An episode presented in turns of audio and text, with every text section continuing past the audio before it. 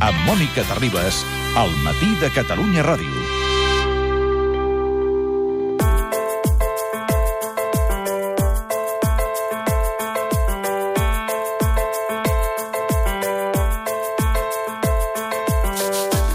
Us dèiem que teníem ganes que arribés avui dijous per sentir l'informe Sala Martín, perquè la setmana passada François Hollande va reunir al Palau de Versalles a Angela Merkel, a Mariano Rajoy i el, primer, el premier italià Paolo Gentiloni, i el mateix dia sortia publicada una entrevista a sis diaris continentals on Hollande defensava una Europa a diferents velocitats per evitar que exploti, deia. Hollande imagina que Europa, amb un pacte i un mercat interior comú, on alguns membres no s'incorporin mai a l'euro, deia literalment, que permeti que un grup de països vagin més enllà en la integració comunitària, defensa, harmonització fiscal i social. I els països que no participen en la moneda única europea, afirma el president francès, no els esperarem per aprofundir en la unió econòmica i monetària a força de voler-ho fer sempre tot a 27. El risc és no fer res en absolut. Aquesta era la sentència de François Hollande. Aquest mes, el dia 25 de març, fa 60 anys del Tractat de Roma. Moment de fer un gir de 180 graus al projecte europeu. Professor Sala i Martín, bon dia. Hola, molt bon dia. Ha, ha arribat el moment o no? Sí, a veure, em dóna la impressió de que ja, ja ho hem fet, això, no? O sigui, això de les dues velocitats, eh, o vàries velocitats, de fet, moltíssimes velocitats, ja existeix.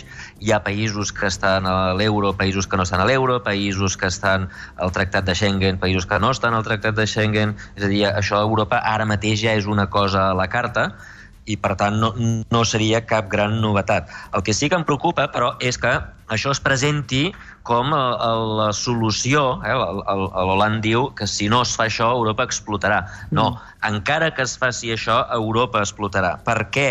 Doncs perquè el problema de fons eh, és... Els problemes de fons són molt diferents. Eh, jo veig quatre grans problemes de fons. El primer, Uh, tots sabeu que la setmana passada el senyor Donald Tusk, o sí. Tusk, no sé com es diu, va sí. ser re reescollit president del Consell Europeu. No? Uh -huh. setmana, setmana passada. Va sortir tots els diaris i tal. Al algú va, va votar en unes eleccions la setmana passada? Ningú. Ningú.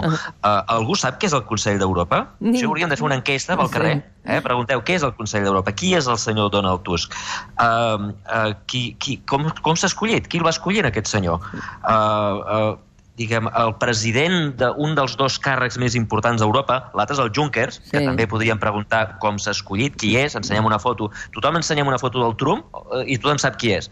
Eh? T'ensenyem una foto de la Merkel i tothom sap qui és. Ensenyem una foto del Junckers o del Tusk, que són els sí. dos màxims dirigents d'Europa, ningú sap qui és, ningú sap com els hem escollit, ningú sap a quina, a quina, quina institució eh, dirigeixen, i per tant dona la impressió que a Europa manen uns buròcrates que tenen la seva pròpia vida, que s'escullen entre ells, que es dirigeixen entre ells, que fan coses entre ells i que ja tenen decidit el que faran. I quan no, la, la gent no, no aprova el que ells volen, doncs ells ho fan igualment. Mm. Només cal recordar què va passar l'any 2004, quan, recordeu, es va fer una Constitució Europea Eh?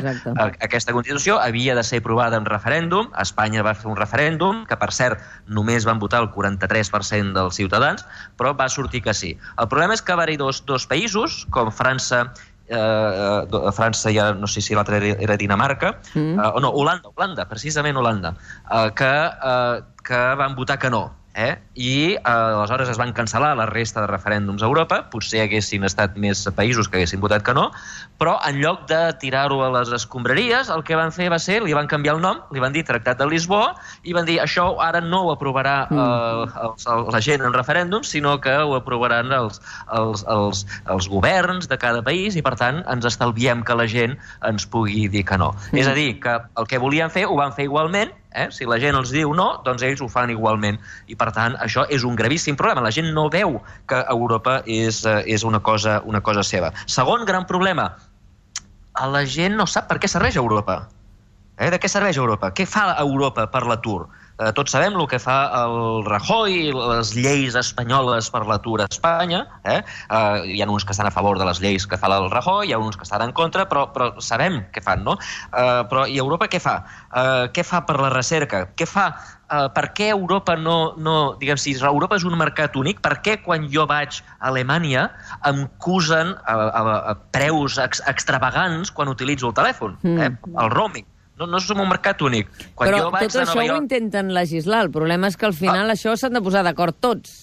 Ah, exacte, però no, però no funciona. O sigui, mm. una cosa que a mi em serviria... Escolta'm, jo vaig a Alemanya, si som realment un mercat únic, quan jo vaig de Nova York a Iowa o a Califòrnia, que és un mercat únic, escolta'm, el telèfon és el mateix. Sí, sí.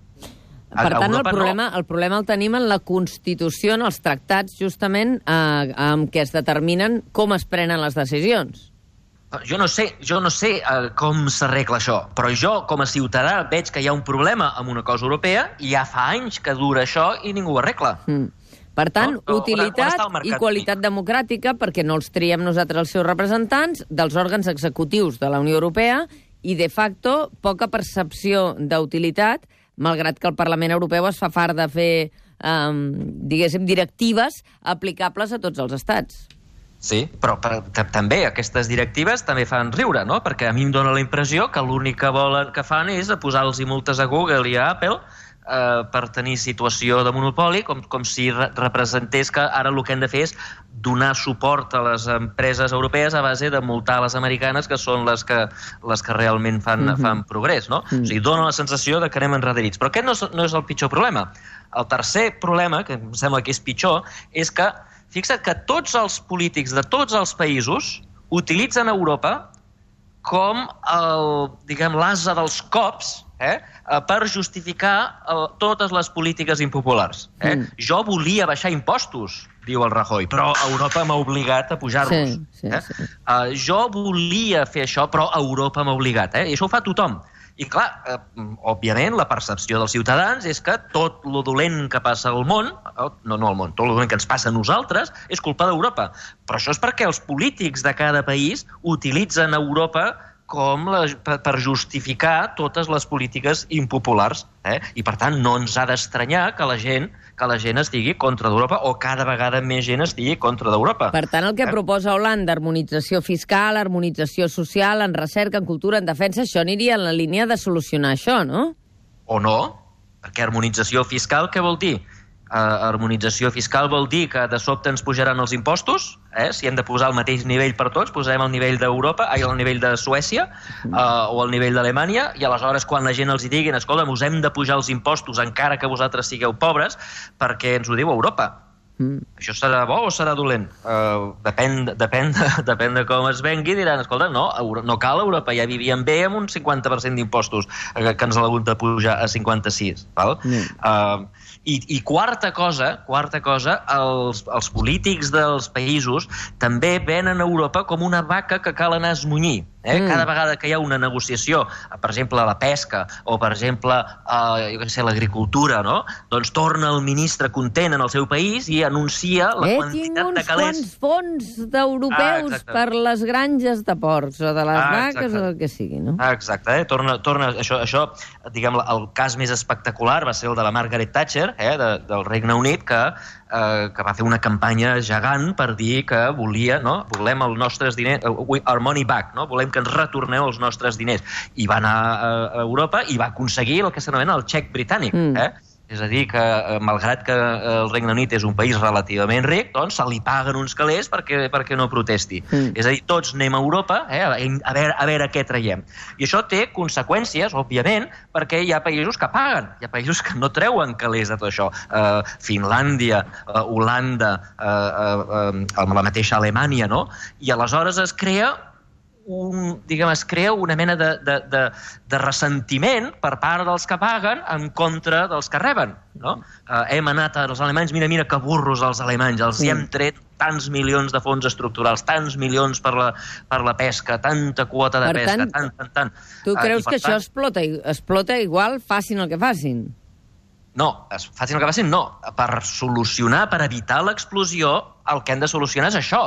Llavors, dir, escolta'm, farem una, farem una integració parcial eh, amb el club dels que estan ben bé, ben bé dins del cor d'Europa, eh, eh, els països eh, de primera velocitat, Sí. farem, nosaltres anirem tirant endavant i qui s'hi vulgui apuntar que s'apunti, això no arreglarà els problemes d'aquests. Eh? Mentre tots seguim fent la mateixa política d'anar anar a Europa aviam què traiem i de donar-li les culpes a Europa a tothom i de prendre decisions eh, sobre càrrecs públics que ningú sap ben bé com s'escullen, fixa't que això no ho adreça, mm. Aquests problemes.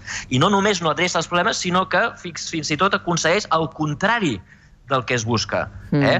El, el, a Europa se'ns ha vengut, eh? jo moltes coses eh, diguem d'Europa les he criticat des del punt de vista econòmic, per exemple l'euro quan s'estava discutint si es feia l'euro o no es feia l'euro, jo estava en contra. Jo deia que els euros seria una cosa dolenta perquè precisament passaria el que ha passat, eh? que uns països estaran en crisi, la perifèria, els altres no estaran en crisi, i no hi ha un mecanisme eh, automàtic, com sí que hi ha als Estats Units, eh? que també tenen la mateixa moneda en Nova York i Califòrnia, mm. però allà hi ha un mecanisme automàtic de transportar diners del lloc on que va bé en el lloc que va malament mm. i que ningú ningú protesti. Parlant Aquest de... mecanisme no existeix, i llavors a mi se'm va dir constantment, sempre.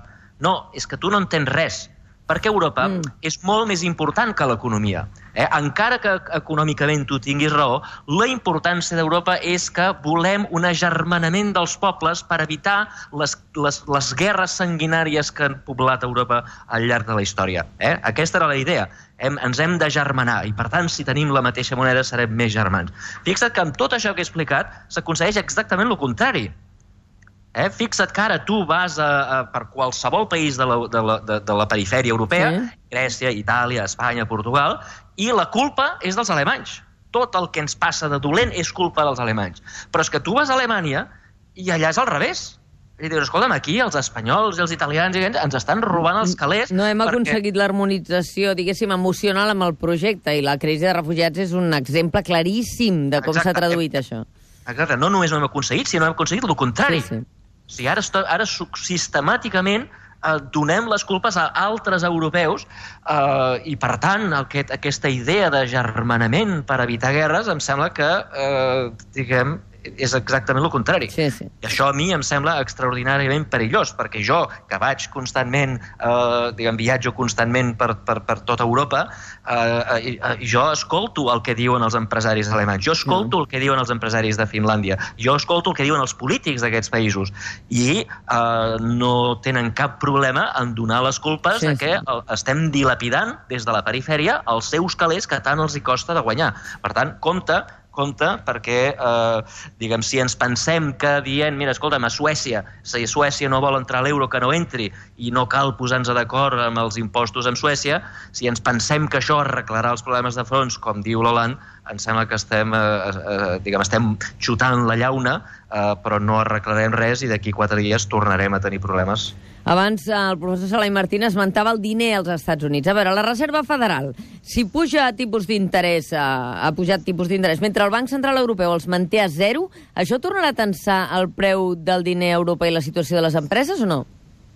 A veure, Europa tindrà a partir d'ara la tendència a pujar, eh, diguem, la, la temptació de pujar els tipus d'interès. Per què? Doncs perquè, clar, si els tipus d'interès en una zona com els Estats Units pugen i a altres zones no pugen, la gent mm. que té calés i vol invertir-los en, en, en actius que donen interès, eh, doncs, òbviament, marxaran d'Europa, que paga poc, i s'aniran cap als Estats Units, que paga més. Eh? Fixa't, però, que en aquest procés, quan tu ets a Europa, tens euros, si vols invertir als Estats Units hauràs de vendre't els euros i comprar dòlars. Mm. Eh? I, per tant, augmentarà la demanda de dòlars, eh, i augmentarà l'oferta d'euros. Això, quan augmenta la demanda d'un producte, ja siguin mm. dòlars, ja siguin escamarlans, fixa't que pujarà el preu. Eh? Yeah. És a dir, que el dòlar pujarà i l'euro s'abaratirà. Això farà que les coses que els europeus comprem amb euros, ai, perdona, comprem amb dòlars, eh? com que el dòlar serà més car, quan, quan comprem iPhones, per exemple, seran més cars. Mm. I això farà que pugi la inflació a Europa. Eh? Les coses seran, una part dels productes seran més cars i, per ah. tant, pujarà la inflació. Ja. I un cop hi hagi tensions inflacionistes, eh, doncs el, els europeus diran, escolta, eh, hem d'aturar la inflació i es veuran obligats a pujar els tipus d'interès també. No de moment, eh? de moment no passarà, però... El no passarà Draghi... per què? Perquè hi ha eleccions a, a França i a Alemanya, no? Per... perquè això tardarà un temps, els preus aquests tardaran un temps a adaptar-se i el, el Draghi, fins que no pugi la inflació, ell ja ha dit, eh? ell ja ha dit, la setmana passada va dir que eh, de moment hem evitat la deflació. Sí. Eh? Els preus no baixen ja. Uh, I uh, uh, en el moment que els preus tornin a pujar, en el moment que Europa torni a haver-hi inflació, ell, per llei, eh, per, per, per, per l'article número 1 de la Constitució del Banc Central Europeu, ell està obligat a intervenir El seu objectiu és evitar que hi hagi inflació. En el moment que comenci la inflació, pujaran els tipus d'interès també a Europa. Per tant, de moment no passarà res, però eh, eh, diguem, les forces del mercat introduiran una, una temptació en el, mm. en el Banc Central Europeu a, a la llarga acabar pujant els tipus d'interès. I això serà perillós, per cert, eh, i entre parèntesis, per tota la gent que té deutes. Clar. Sobretot, sobretot l'estat espanyol. Eh, quan va començar la crisi, l'estat espanyol tenia uns deutes petitets, eh, de, al voltant del 30% del PIB, però ara ja superen el, el 100% del PIB. Mm. Eh? I una cosa és tenir un deute, eh? de, això, el 100% del PIB vol dir que, traduït a, a salaris, diguem, si tu tens un salari de 12.000 eh, euros anuals, doncs tens un deute de 12.000 euros anuals, eh? que hauries d'utilitzar tot el teu salari durant un any per pagar el teu deute. Eh? Una cosa és tenir un salari del 100% del que tu guanyes, 100% del que tu guanyes, eh, doncs tenir, quan els tipus d'interès són zero, i l'altra cosa és tenir el mateix deute quan els tipus d'interès són més elevats. Eh? Una part cada vegada, a mesura que pugin els tipus d'interès, una part cada vegada més gran dels diners que recapta l'estat espanyol hauran d'anar a pagar interessos. Clar. I, per tant, quedaran cada cop menys diners per la sanitat i per l'educació i per les altres coses no. que fan els estats. És que eh? estava pensant que això afecta també l'economia catalana, perquè nosaltres eh, devem una part importantíssima del deute de Catalunya, que està al voltant del 60%, una part importantíssima depèn del FLA, del Fons de Liquiditat eh, Autonòmic, no? Sí, sí, tothom que estigui dit, tothom que tingui deutes, eh? tothom que tingui deutes. Però ara mateix un dels països que té més deutes d'Europa de, és precisament l'estat espanyol. Però si diguem, el govern de la Generalitat ha d'estar endeutat i té, ha de pagar uns tipus d'interessos més elevats, també sortirà perdent, així com qualsevol família que té una hipoteca i que en, fi, en els últims anys ha estat gaudint d'un Euribor eh, baixíssim. Eh? Eh, la major part de ciutadans que tenen hipoteques tenen tenen, paguen uns interessos equivalents a l'Euribor, eh, el tipus d'interès oficial, més un percentatge, un 0,5, un 1% o el que sigui. Òbviament, a la que pugin els tipus d'interès eh, al Banc Central Europeu, pujarà l'Euribor i pujarà el que han de pagar totes les famílies que tenen hipoteques. Tothom que estigui endeutat tindrà problemes. I això diguem, ara no vull ser una Cassandra, però eh, això és una pel·lícula que ja hem viscut. Ja, ja. Aquesta pel·lícula la vam viure als anys 80. Eh? Durant els anys 70 va haver-hi un gran festival de deute, els països de gairebé tot el món es van endeutar, Uh, i uh, per culpa de les crisi del petroli, als Estats Units va pujar molt la inflació mm. i per aturar la inflació als Estats Units, què van fer els americans? Pujar tipus d'interès. Mm. Eh? Uh, òbviament, la resta del món, com he explicat abans, tard o d'hora va acabar pujant els tipus d'interès a la resta del món, i tots els països que estaven endeutats van patar. I això, això s'anomena la crisi del deute dels anys 80. Eh? I això, eh, recordeu que Amèrica Llatina va acabar portant a el que ells anomenen la dècada perdida. I això eh? pot quedar compensat, pot quedar compensat, professor Sala Martín, per, uh, pel fet que el Banc Central Europeu eh, fa una predicció de millora del creixement econòmic de tota la zona euro, eh, també, però l'OCDE també també marca aquest increment pel que fa al creixement d'Espanya, un 2,5, dues dècimes més del que tenia fins ara, i la reducció de l'atur podria compensar o, o que la gent no relacioni. Quan ens diem que l'economia cre creix, pot compensar això? Well, el, que, el fet de que l'economia creixi uh, augmenta la probabilitat de que el Banc Central Europeu pugi els tipus d'interès. Pugi els tipus d'interès, sí, sí. Eh? Perquè ells el que miren és uh, el que miren és que si pugen els tipus d'interès poden fer que l'economia vagi malament. Mm -hmm. Eh? Perquè si tu puges els tipus d'interès, què mm. passa? Doncs que la gent que vol comprar un cotxe doncs de sobte eh, li surt molt més car comprar un, cotxe, comprar un cotxe prestat, demanant prestat, o mm. compres una casa demanant prestat, de sobte et surt molt més car i per tant no compres el cotxe.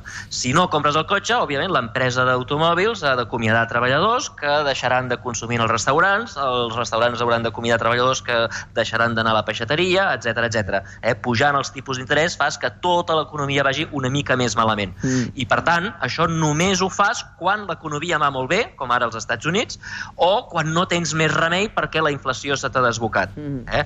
Uh, doncs uh, que el fet el que facin els americans pot fer que hi hagi inflació a Europa, com hem dit abans, i el fet de que Europa vagi millor que abans, és a dir, comenci a créixer, només fa que el Banc Central Europeu eh, també tingui més tendència a pujar els tipus d'interès aviat. No immediatament, però aviat. Professor Sala i Martín, uh, un gust aquestes lliçons, allò, pim-pam, que ens fem a la idea i, i ens ha permès analitzar-ho. Ja ho vam dir abans d'ahir. Ah, que arribi ja l'informe Sala i Martín aquesta setmana, que clarificarem aquest parell de coses. Moltes gràcies, que tingui un bon dia. Moltes gràcies a vosaltres, bon que dia. vagi bé.